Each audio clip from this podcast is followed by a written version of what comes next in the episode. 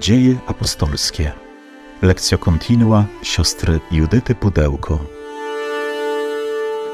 Moi drodzy, powracamy do naszej lektury Księgi Dziejów Apostolskich. Jeszcze dziś przez chwilę zatrzymamy się w Filippi z naszymi uwięzionymi apostołami, którzy już całkiem niebawem podążą dalej w swoją podróż misyjną. Natomiast my spróbujmy dziś, tak jak zwykle to czynimy, usposobić nasz umysł, nasze serce, nasze wnętrze, aby przeżyć ten moment słuchania słowa, które zawsze jest nowe,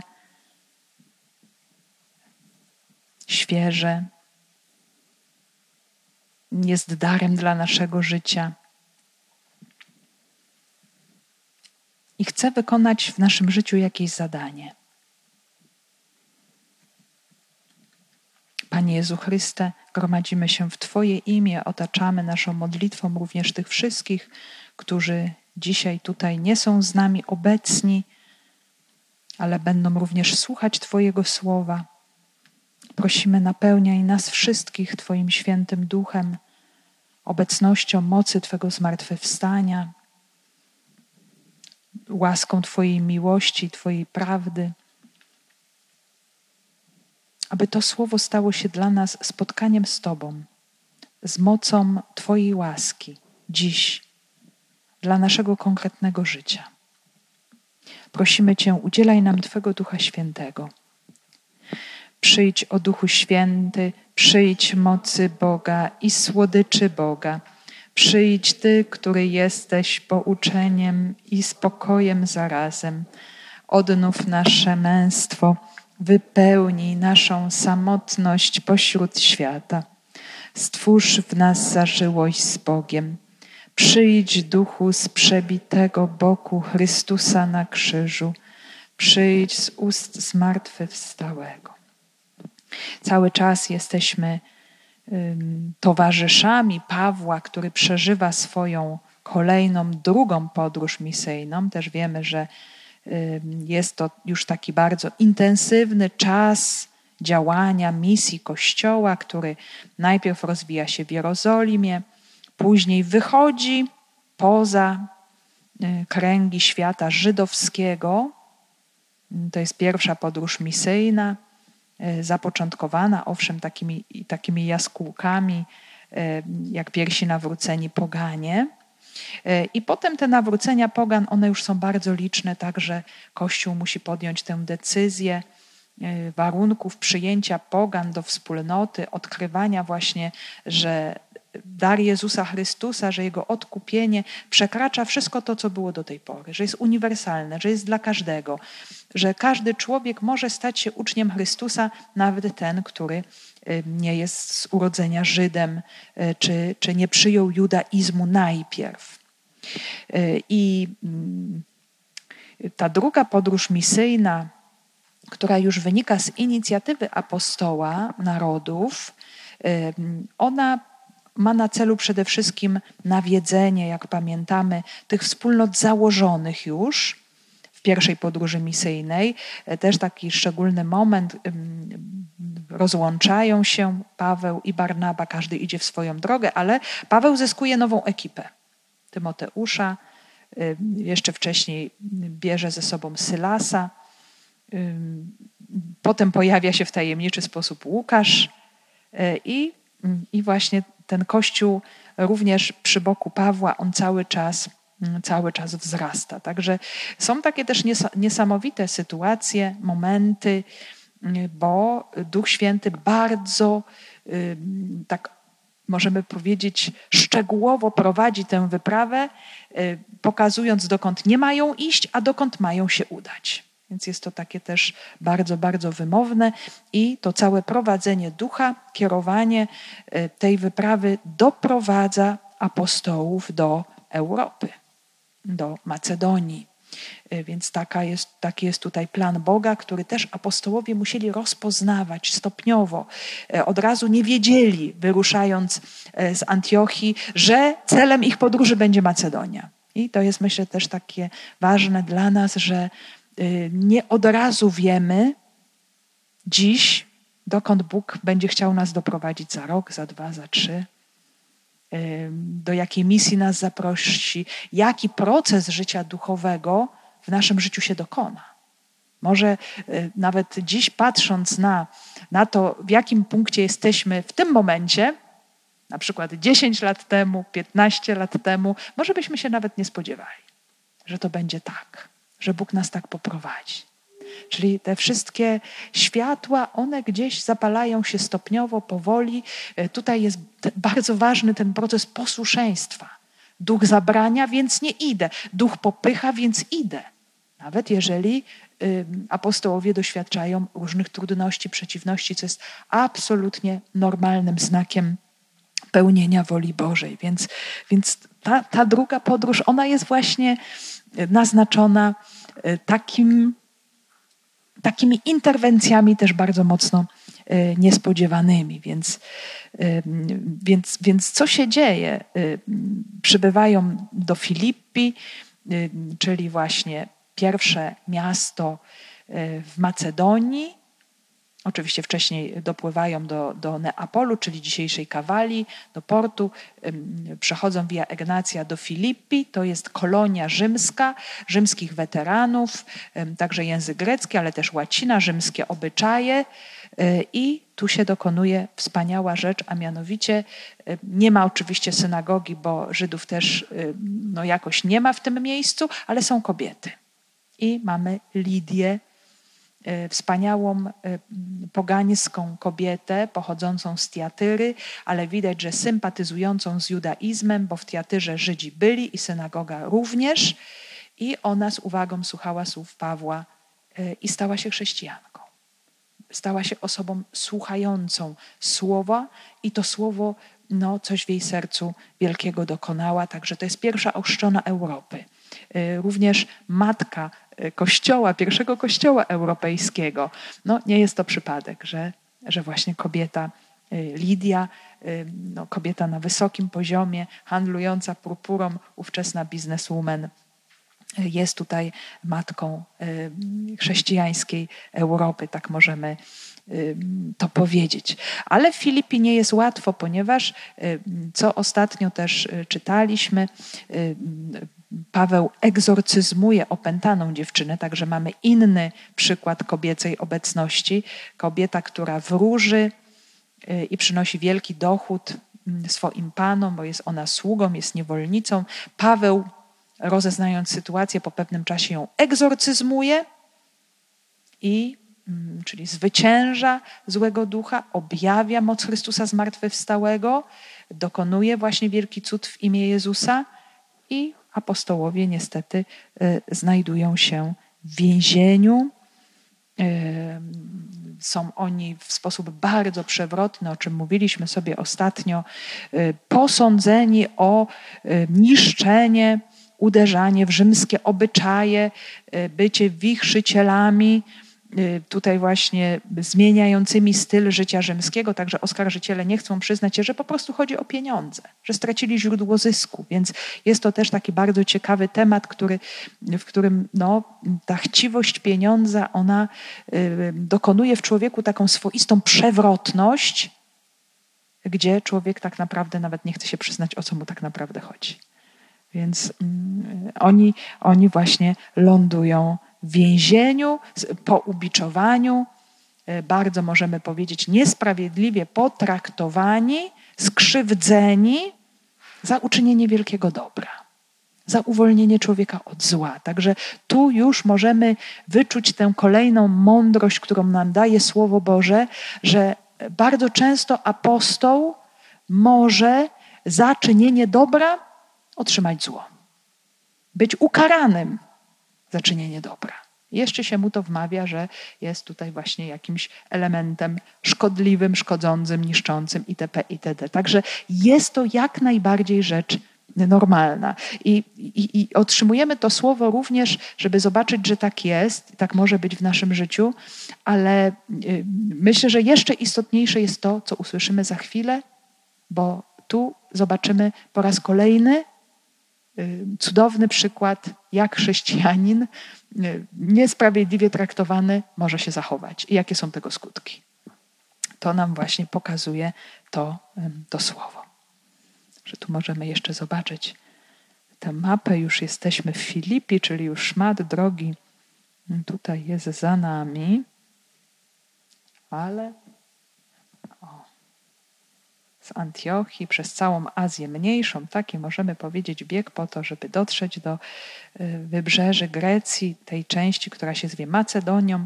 Po Filipi będzie dalej Tesalonika, Berea, Ateny, Korynt, Efes i powrót, czyli całkiem, całkiem dużo jeszcze przed nami nowych miejsc. Z dziejów apostolskich. O północy Paweł i Sylas modlili się, śpiewając hymny Bogu, a więźniowie im się przysłuchiwali.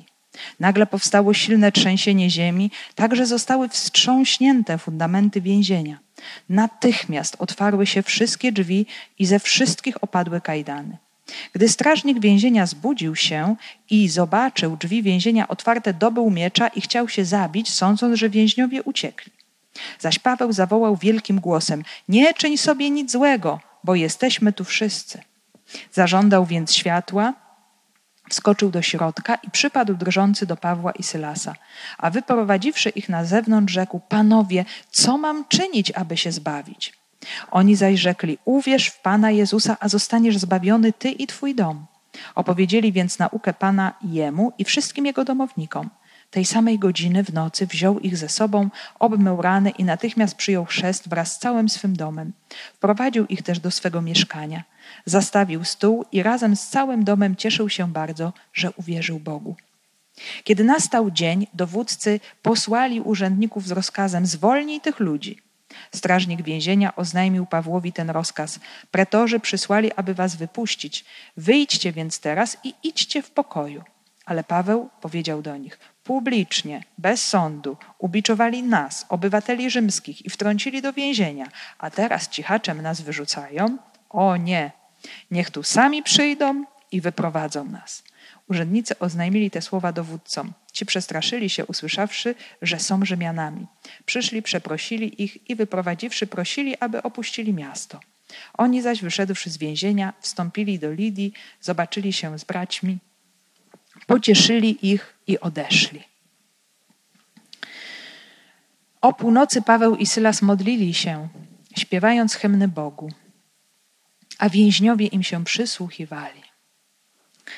Znowu kolejny raz więzienie w dziejach apostolskich i już słyszeliśmy o uwięzieniu Piotra e, po tym, jak e, uzdrawiał e, te uzdrowienia no, przynosiły wielki rozgłos. Kapłani pełni zawiści wtrącili Piotra i innych apostołów do więzienia i, i był właśnie też taki niezwykły znak w nocy anioł Pana wyprowadził apostołów z więzienia. Oni poszli wtedy do świątyni i dalej nauczali lud. Później Piotr zostaje uwięziony ponownie przez Heroda Agrypę, który jak pamiętamy ścina mieczem Jakuba, brata Jana i zamierza też rozprawić się ostatecznie z Piotrem w okolicach święta Paschy i znów podobnie Piotr zostaje uwolniony cudownie z więzienia, wyprowadzony przez e, anioła. Więc mamy taki właśnie schemat teologiczny obecny, że jest głoszone słowo, jest próba zatrzymania apostoła, czyli zatrzymania Bożego Słowa, żeby dalej e, nie szło i, i, i nie e, przemierzało e, świata aż po jego krańce i jest właśnie ukazane to, że no, jest absolutnie niemożliwe. Nie można Słowa Bożego uwięzić. Apostoł jest uwolniony wbrew e, wszelkim mocom tego świata i tutaj jest e, podobnie. Wiemy, że stało się to tutaj już w innym kontekście, w kontekście pogańskim. Wszystko jest związane właśnie z oskarżeniem właścicieli opętanej dziewczyny, więc y, jest to zemsta bardzo wielka, e, no, są wtrąceni do wewnętrznego lochu ciemnego, na, dosyć, na dodatek jeszcze są e, zakuci w, w drewno, czyli w dyby, unieruchomieni, możemy powiedzieć, w najgorszej możliwej sytuacji, jaką mogą sobie wyobrazić.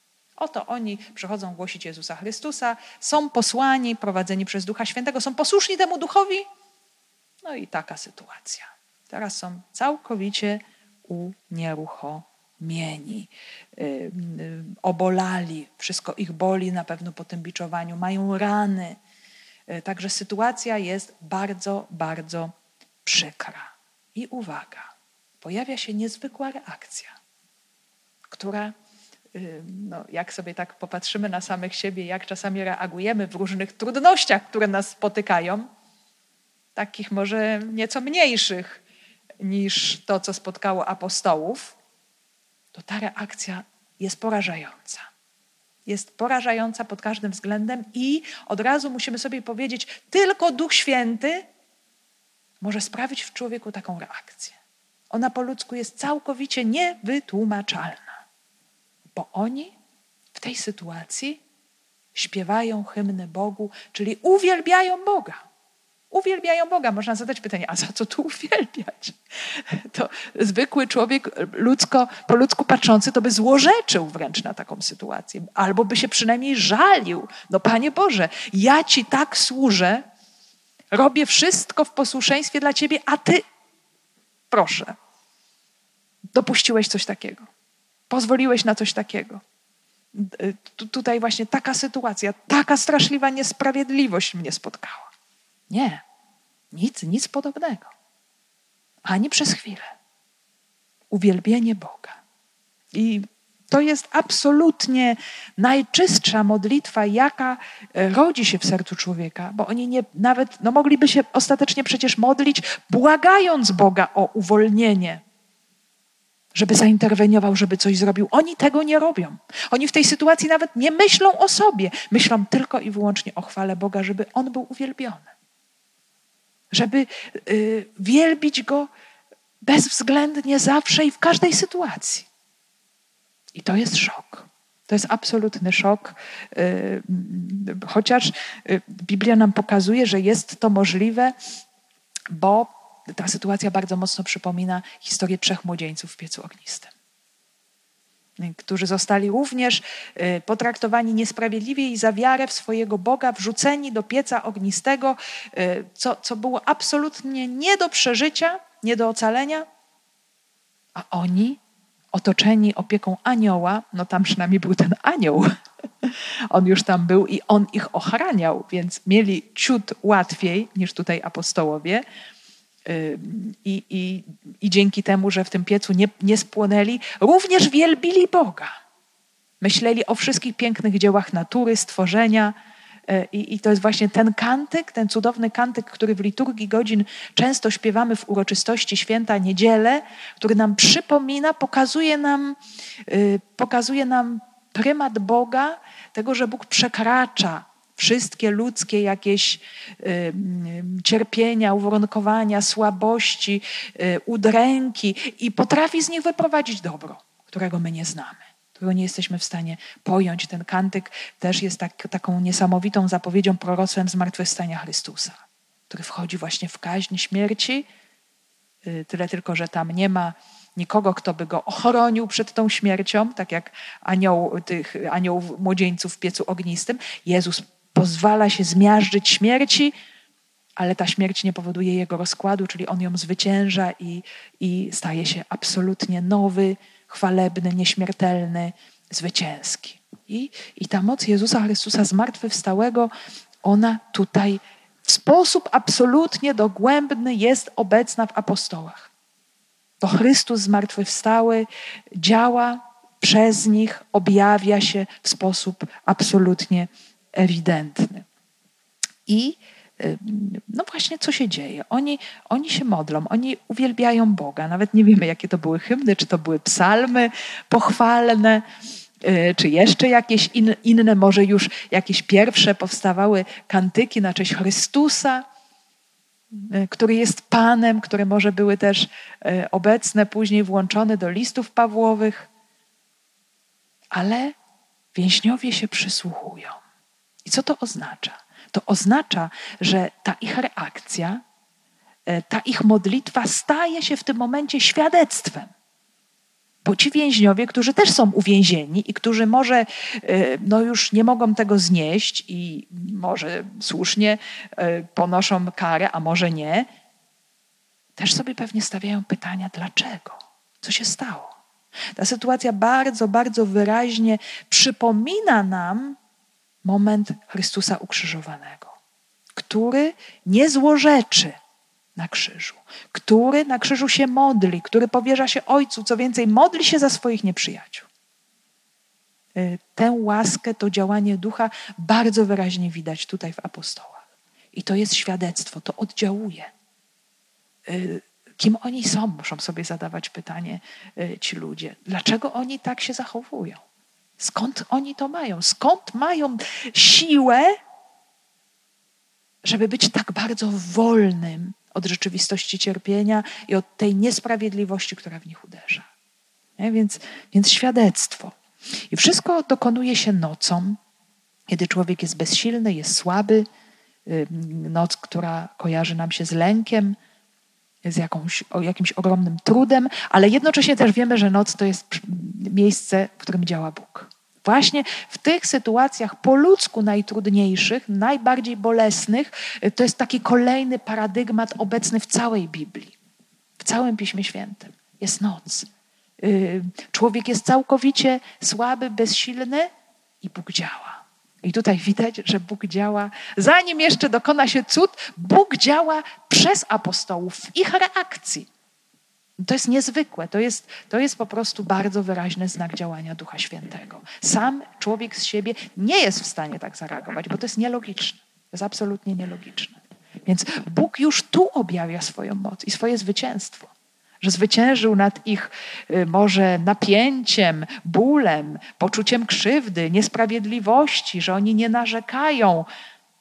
To jest, to, to jest po prostu coś niezwykłego. Wielkie objawienie się Boga, który przechodzi i daje wielki znak, świadectwo właśnie przez apostołów. Dla kogo? Dla więźniów, Zobaczmy, Paweł e, szukał miejsca ewangelizacji, nie było synagogi, no to poszedł nad rzekę, gdzie były kobiety i tam ewangelizował i chodził tam przez e, dłuższy czas, e, kiedy ta dziewczyna opętana mu zachodziła drogę i, i mu przeszkadzała, więc trochę tam Y, przebywał. Nic nie wiadomo, czy no, ktoś tam jeszcze, za chwilę usłyszymy, że oprócz Lidii będą i różni bracia, czyli ta wspólnota już się tam zaczęła jakoś formować, ale no, chodził cały czas w te same miejsca, no bo gdzie miał pójść?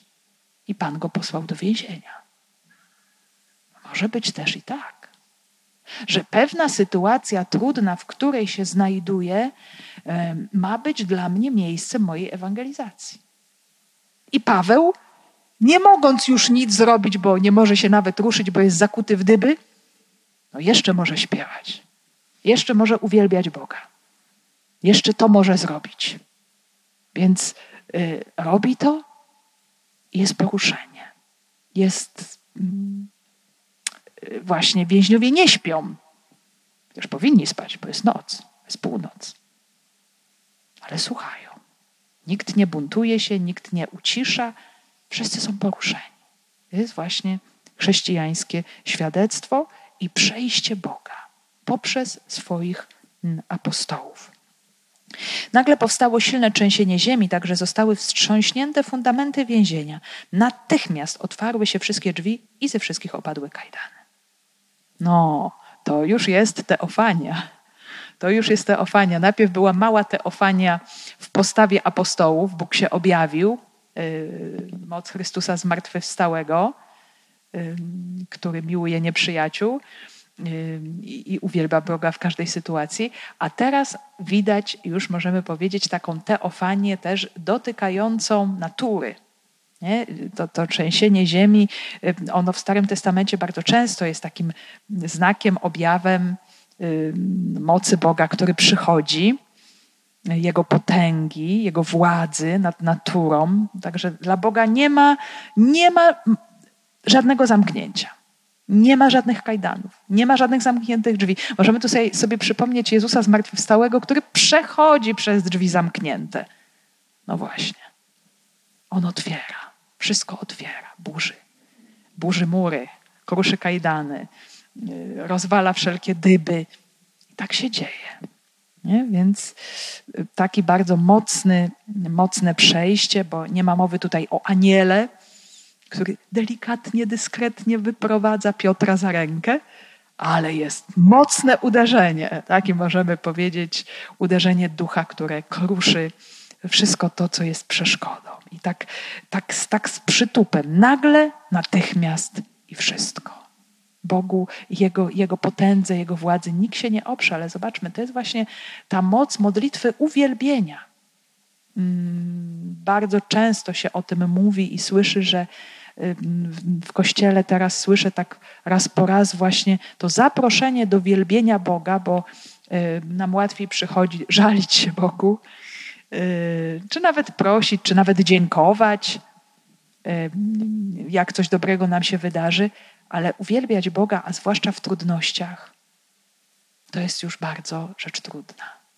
Ale to słowo dzisiaj pokazuje nam sens takiej postawy. Pokazuje nam sens takiej modlitwy, która nie rodzi się spontanicznie, bo spontanicznie to wiemy doskonale, co się w bolesnych, trudnych sytuacjach rodzi w naszym sercu, tak po ludzku. Ale e, to jest właśnie duch, który, który działa w ten sposób. Gdy strażnik więzienia zbudził się i zobaczył drzwi więzienia otwarte, dobył miecza i chciał się zabić, sądząc, że więźniowie uciekli. No, oczywiście strażnik sobie spokojnie śpi, nie jest powiedziane, czy on te uwielbienia słyszał, czy nie słyszał. No, pewnie no, w tym lochu nie był, był troszeczkę dalej, był, był wyżej w jakimś swoim pomieszczeniu strażnika, ale cała ta sytuacja przyczyniła się do tego, że strażnik się budzi i widzi, że wszystko jest potwierane. I jest to dla niego absolutny dramat, klęska i przerażenie, ponieważ strażnik odpowiada za więźniów.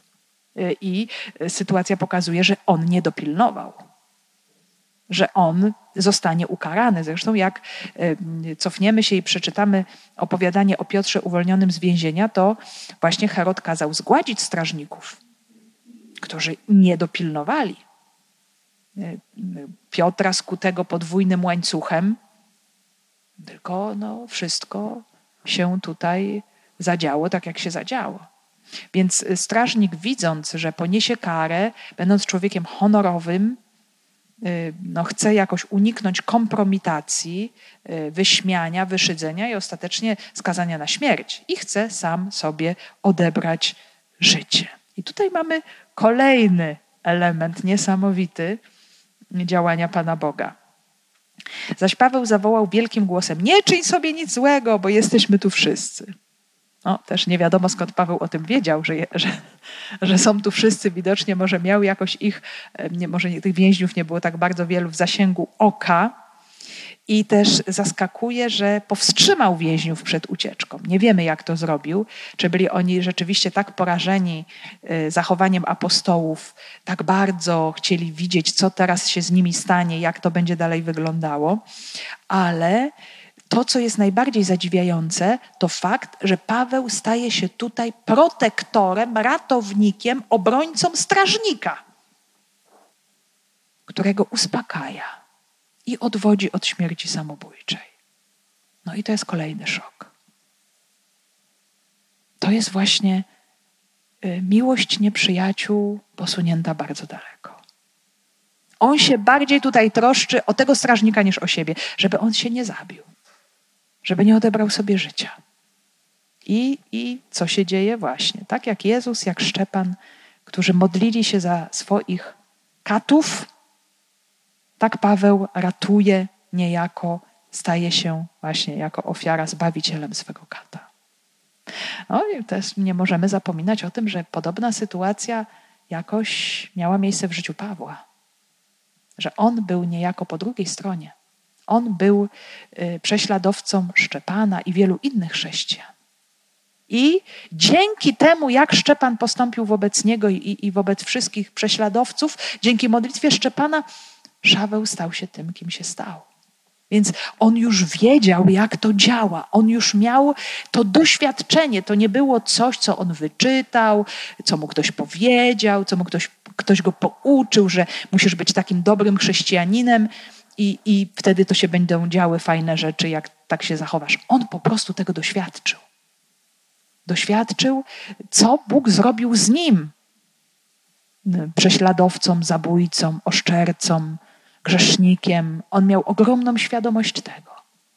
I, no i, i Duch Święty go doprowadził właśnie do takiej postawy. I znów może się zrodzić w nas pytanie, a może oni w tym więzieniu znaleźli się właśnie dla tego strażnika? Musieli zostać potraktowani tak niesprawiedliwie, bo Bóg miał plan. I tak jak posyłał Piotra tu i do Korneliusza, i, i Piotr nie wiedział, nie rozumiał, dlaczego to się tak dzieje, i, i, i Filipa na tą pustą drogę do gazy. Takie nielogiczne rzeczy się działy, po ludzku patrząc, to Bóg potem wykorzystuje te sytuacje, takie nieoczywiste, takie dziwne, takie głupie, takie w ogóle bez sensu po ludzku. Zobaczmy, y, jakie, y, jak to słowo nam, jak daje nam taką mądrość krzyża i, i bardzo często nam tego brakuje w naszych trudnościach. Że jest nam trudno odczytać naszą historię, nasze trudności, nasze przeciwności, y, te, te, te porażki różnego rodzaju, właśnie z punktu widzenia Bożego planu, który jest inny niż nasz. Pan Bóg działa inaczej, zupełnie inaczej. A Paweł już to wiedział. Paweł już y, został przemieniony przez ducha i tego doświadczył, i, i tu w tym więzieniu możemy powiedzieć, tą postawą uwielbienia rodzi do wiary swojego prześladowcę.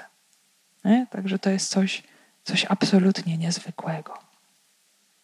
Zażądał więc światła, wskoczył do środka i przypadł drżący do Pawła i Sylasa, a wyprowadziwszy ich na zewnątrz, rzekł: Panowie, co mam czynić, aby się zbawić? Strażnik nie wie, co się stało. Widać, że skoro było ciemno, ten loch był głęboki i, i, i widząc, no jak to więzień nie ucieka. Jak to jest możliwe? Dlaczego się tak dzieje? A poza tym ten więzień, dopiero co pobity i krwawiący, troszczy się o strażnika. Nie? Jest to coś absolutnie nie do pojęcia. Więc strażnik zaczyna powoli rozumieć, że to wszystko, co się tutaj wydarzyło, tak niezwykłego, jest bardzo mocno związane właśnie z tymi nowymi więźniami, tymi Żydami, którzy właśnie zostali oskarżeni o y, zamieszki, o, o niszczenie rzymskich obyczajów. No i właśnie ta bojaźń i drżenie strażnika, one pokazują, że on też doświadczył objawienia się Boga, teofanii ogarnęła go bojaźń. Doświadczył czegoś, czego nie potrafi zrozumieć, wytłumaczyć, wyjaśnić. Jakieś właśnie niezwykłe wydarzenie w tak dziwnych warunkach. Zobaczmy, Bóg może się objawić wszędzie, nawet w najgłębszym lochu. Jest obecny, kiedy człowiek mu pozwala działać tak bardzo często może naszym wyobrażeniem y, rzeczywistości, pragnieniami, czy próbą właśnie forsowania swojego planu, ja mogę blokować Bogu takie działanie. I oczywiście Bóg będzie do skutku działał, działał i będzie wymyślał różnego rodzaju sytuacje, lochy i inne rzeczy, y, żeby y, no, te procesy się w nas dokonywały. Nie? To, to oczyszczenie, ta wiara, to uwielbienie, żeby to się dokonało, żeby Bóg się mógł tym y, posługiwać. Więc Bóg jest obecny i działa poprzez swoich wierzących świadków. Myślę, że to jest bardzo ważne światło, które płynie do nas, którzy słuchamy tego słowa, y, którzy pragniemy, y, aby to słowo nas dotykało, przemieniało.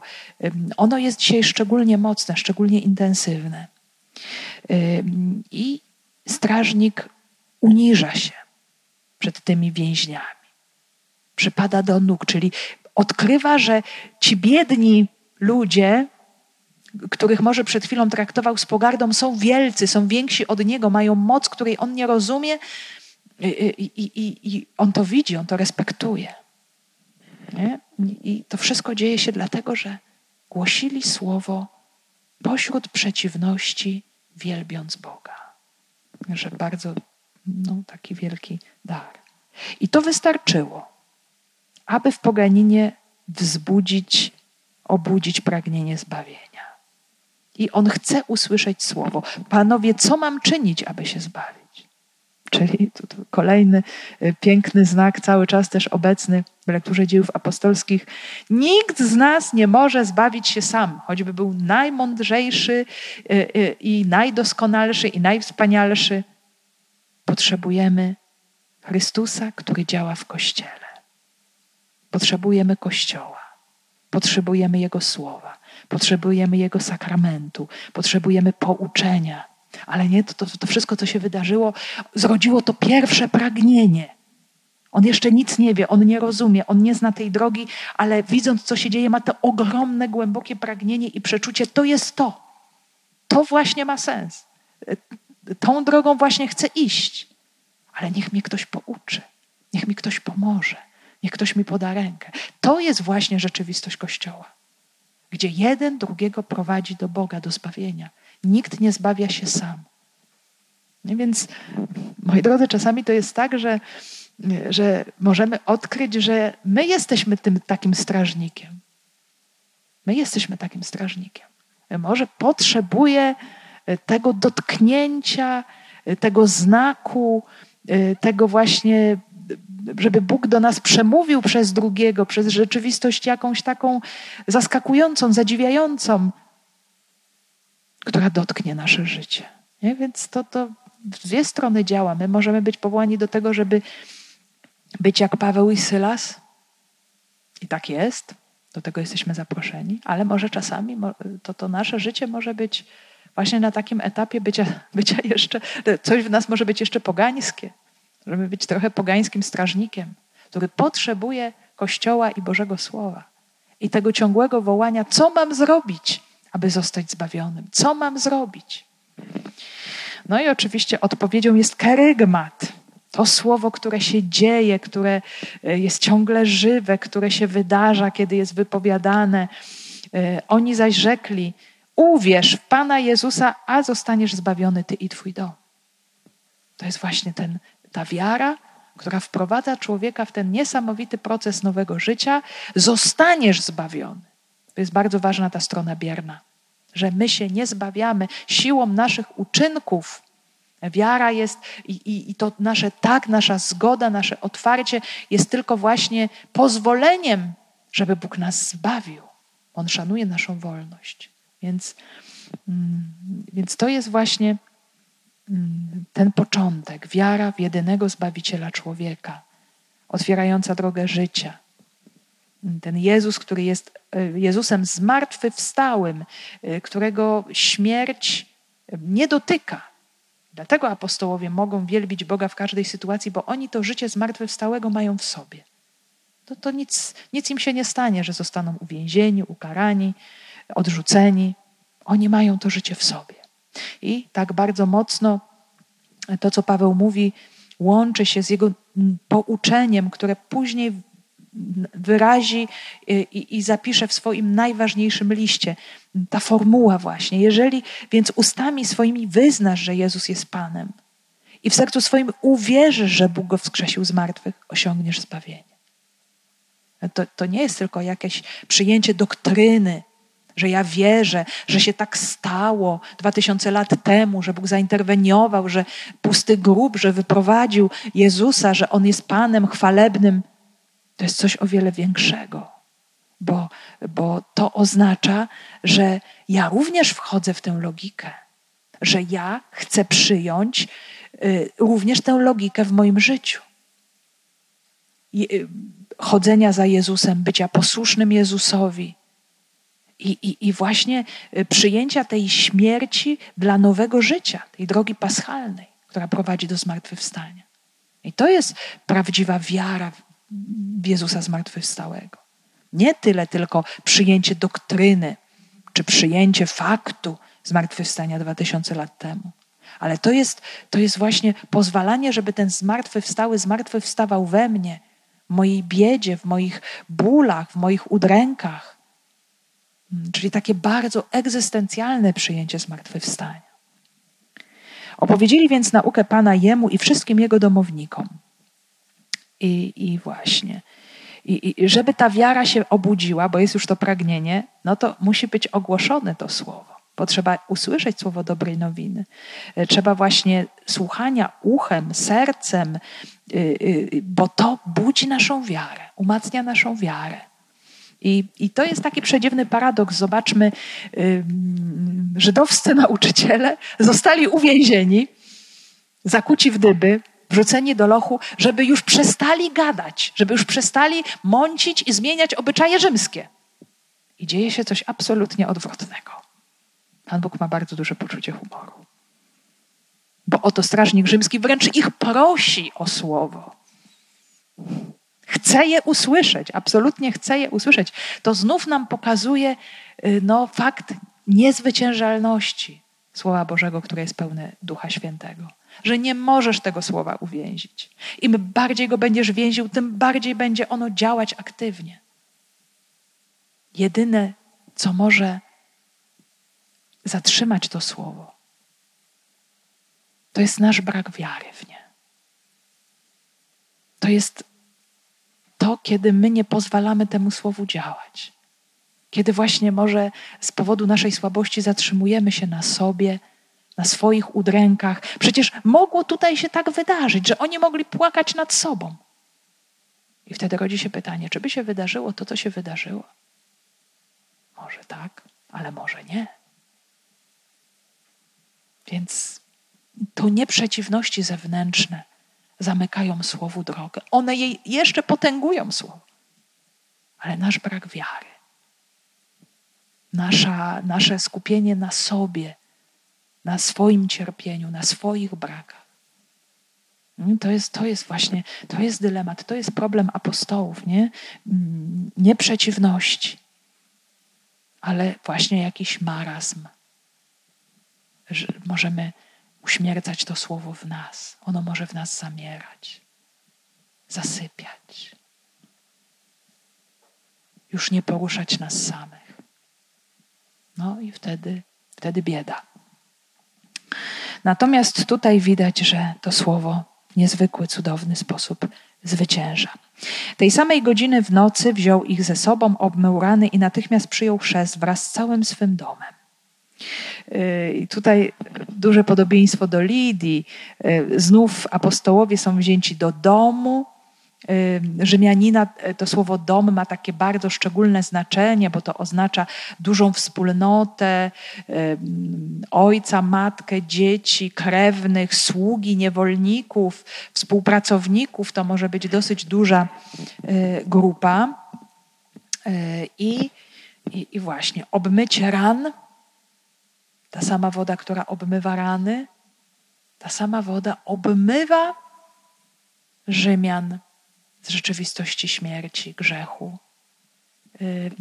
Ten związek tych ran apostołów i, i, i tego obmycia pogan, pogańskiej rodziny pokazuje nam, jak te rzeczywistości są połączone, że bardzo często właśnie przez, przez drogę naszego cierpienia, naszego krzyża Bóg zbawia człowieka. Tak jak to było w przypadku Chrystusa, który zbawia nas przez swój krzyż. Nie? Taka łączność bardzo subtelna tych dwóch rzeczywistości. Te rany apostołów, które krwawią i są obmywane, i ta woda, która obmywa ranę grzechu strażnika zdobytego dla zbawienia. Nie? Może właśnie poprzez rany, poprzez rany apostołów. Wprowadził ich też do swego mieszkania, zastawił stół i razem z całym domem cieszył się bardzo, że uwierzył Bogu. E, to doświadczenie wiary prowadzi do, zawsze do nowego życia, e, daje radość, tutaj uczta zbawionych. E, także to przypomina nam wszystko to, o czym czytaliśmy w Ewangelii Łukasza, o ucztach nawróconych grzeszników z Jezusem. Że tutaj mamy bardzo też podobny obraz Rzymianin uwierzył i, i tutaj Łukasz to też bardzo mocno podkreśla, bo y, uwierz w Pana Jezusa, mówi Paweł, ale Łukasz w dziejach podkreśla, że, y, że Rzymianin cieszył się bardzo, że uwierzył Bogu, bo on był przecież poganinem. on nie wiemy, czy wierzył w te bożki pogańskie, czy też nie, ale on nie znał Boga prawdziwego. Czyli jest to, możemy powiedzieć, takie totalne, totalna przemiana. No, zyskał no, coś niewyobrażalnie wielkiego w całej tej, w całej tej sytuacji. No, ciekawa, ciekawą jest rzeczą, o tym nam już autor tutaj nie mówi, o tych szczegółach, no ale wygląda na to, że chyba oni wrócili z powrotem do tego więzienia, e, chcąc się zachować bardzo poprawnie i nie narażać strażnika na jakieś właśnie tutaj zagrożenia niebezpieczeństwa. Bo kiedy nastał dzień, dowódcy posłali urzędników z rozkazem zwolnij tych ludzi. Strażnik więzienia oznajmił Pawłowi ten rozkaz. Pretorzy przysłali, aby was wypuścić. Wyjdźcie więc teraz i idźcie w pokoju. Zaskakująco, kiedy dzień zaświtał, e, władze miasta troszeczkę ochłonęły po tych e, wcześniejszych emocjach. E, posyłają swoich urzędników, policjantów, takich dosłownie noszących rózgi, czyli takich pod, mogących zainterweniować w razie jakiejś tutaj sytuacji trudnej żeby wypuścić jednak więźniów zatrzymanych w, w, okolicznościach emocjonalnych. No zresztą trudno byłoby nawet sformułować zarzuty wobec nich, więc trochę przychodzą po rozum do głowy, uważają, że no już zostali dosyć przykładnie ukarani i teraz można ich E, wypuścić. E, strażnik przekazuje apostołom tę informację, czyli oni po prostu pokornie, posłusznie wrócili do tego więzienia. E, nawet mówi tak bardzo już po chrześcijańsku: idźcie w pokoju, bądźcie w pełni zdrowia i, i wszelkiej też pomyślności. Ale Paweł reaguje zupełnie niespodziewanie tutaj. Ten, ten pokorny Paweł, który przed chwilą przyjmował wszelkie niedogodności, Y, i, i bicze, i rany, i dyby, i loch, teraz może nas zaskoczyć swoim zachowaniem. Ale Paweł powiedział do nich publicznie, bez sądu ubiczowali nas, obywateli rzymskich, i wtrącili do więzienia, a teraz cichaczem nas wyrzucają? O nie, niech tu sami przyjdą i wyprowadzą nas. Więc Paweł jest świadomy tego, że jest obywatelem rzymskim i no, z tym się wiązały liczne przywileje, także nie można było y, stosować żadnych kar cielesnych, y, bić ani wtrącać do więzienia właśnie bez jakiegoś konkretnego osądu, postawienia konkretnych zarzutów i, i, i bardzo rozumnego osądu. I mm, skoro całe wydarzenie miało charakter publiczny, oni zostali publicznie e, uznani za wichrzycieli, mącicieli porządku rzymskiego, e, osobników zagrażających życiu publicznemu. To teraz Paweł uważa, że sprawiedliwością jest no, te rzeczy odwołać, również publicznie. Nie yy, cichaczem nakłaniać ich do odejścia, udając, że się nic nie stało. Już się stało. I Paweł nie robi tego ze względu na siebie, na swoje ja, ale on chce po prostu pokazać, że głoszenie Ewangelii nie zagraża porządkowi społecznemu. Że oni nie są wrogami Rzymu. Oni nie są wrogami żadnej jednej, drugiej czy trzeciej nacji. Oni niosą dobrą nowinę o zbawieniu, ratują ludzi od zła.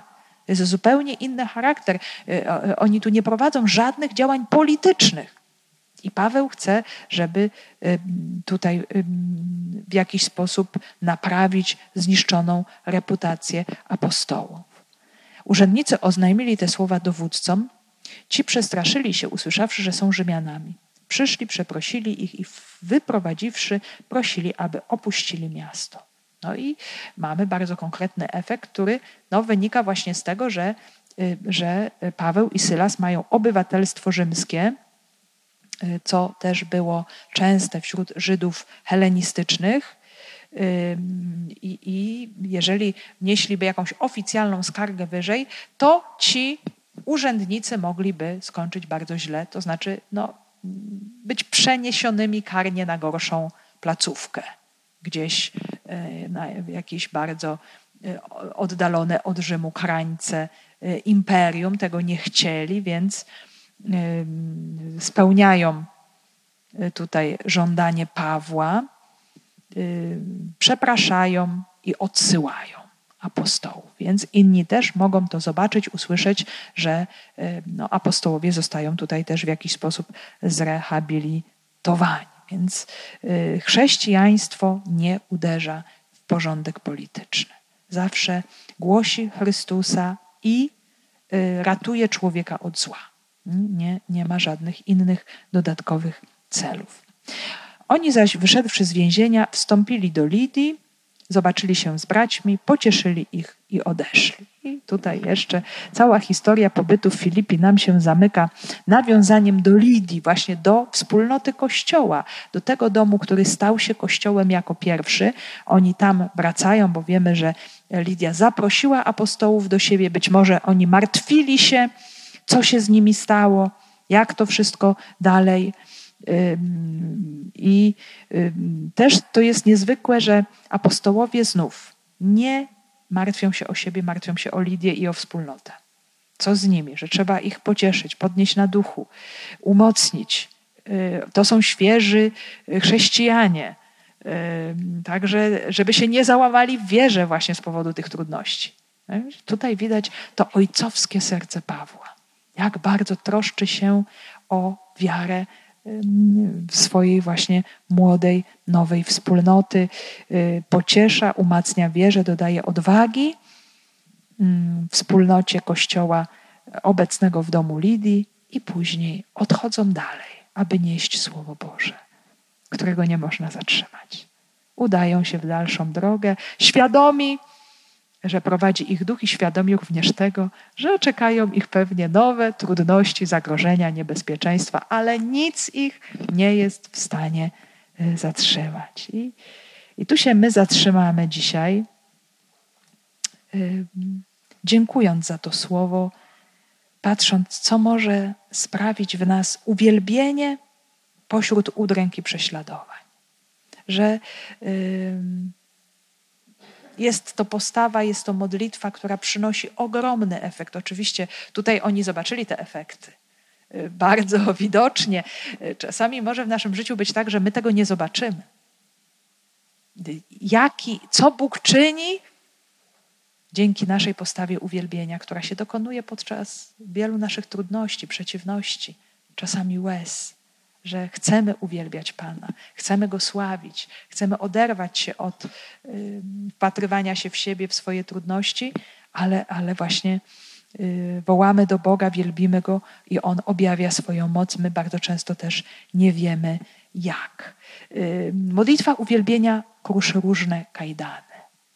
I może czasami to jest tak, że choć nie widzimy innych działań Boga, które On dokonuje, to ważne jest, żeby nasze wewnętrzne kajdany zostały skruszone.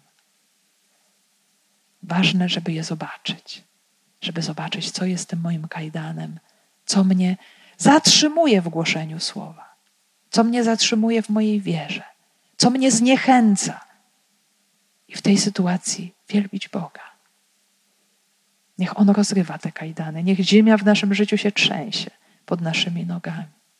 Niech objawia się Jego moc i, i ta łaska wiary niech stanie się udziałem coraz bardziej naszym i tych wszystkich, do których, do których Pan nas posyła.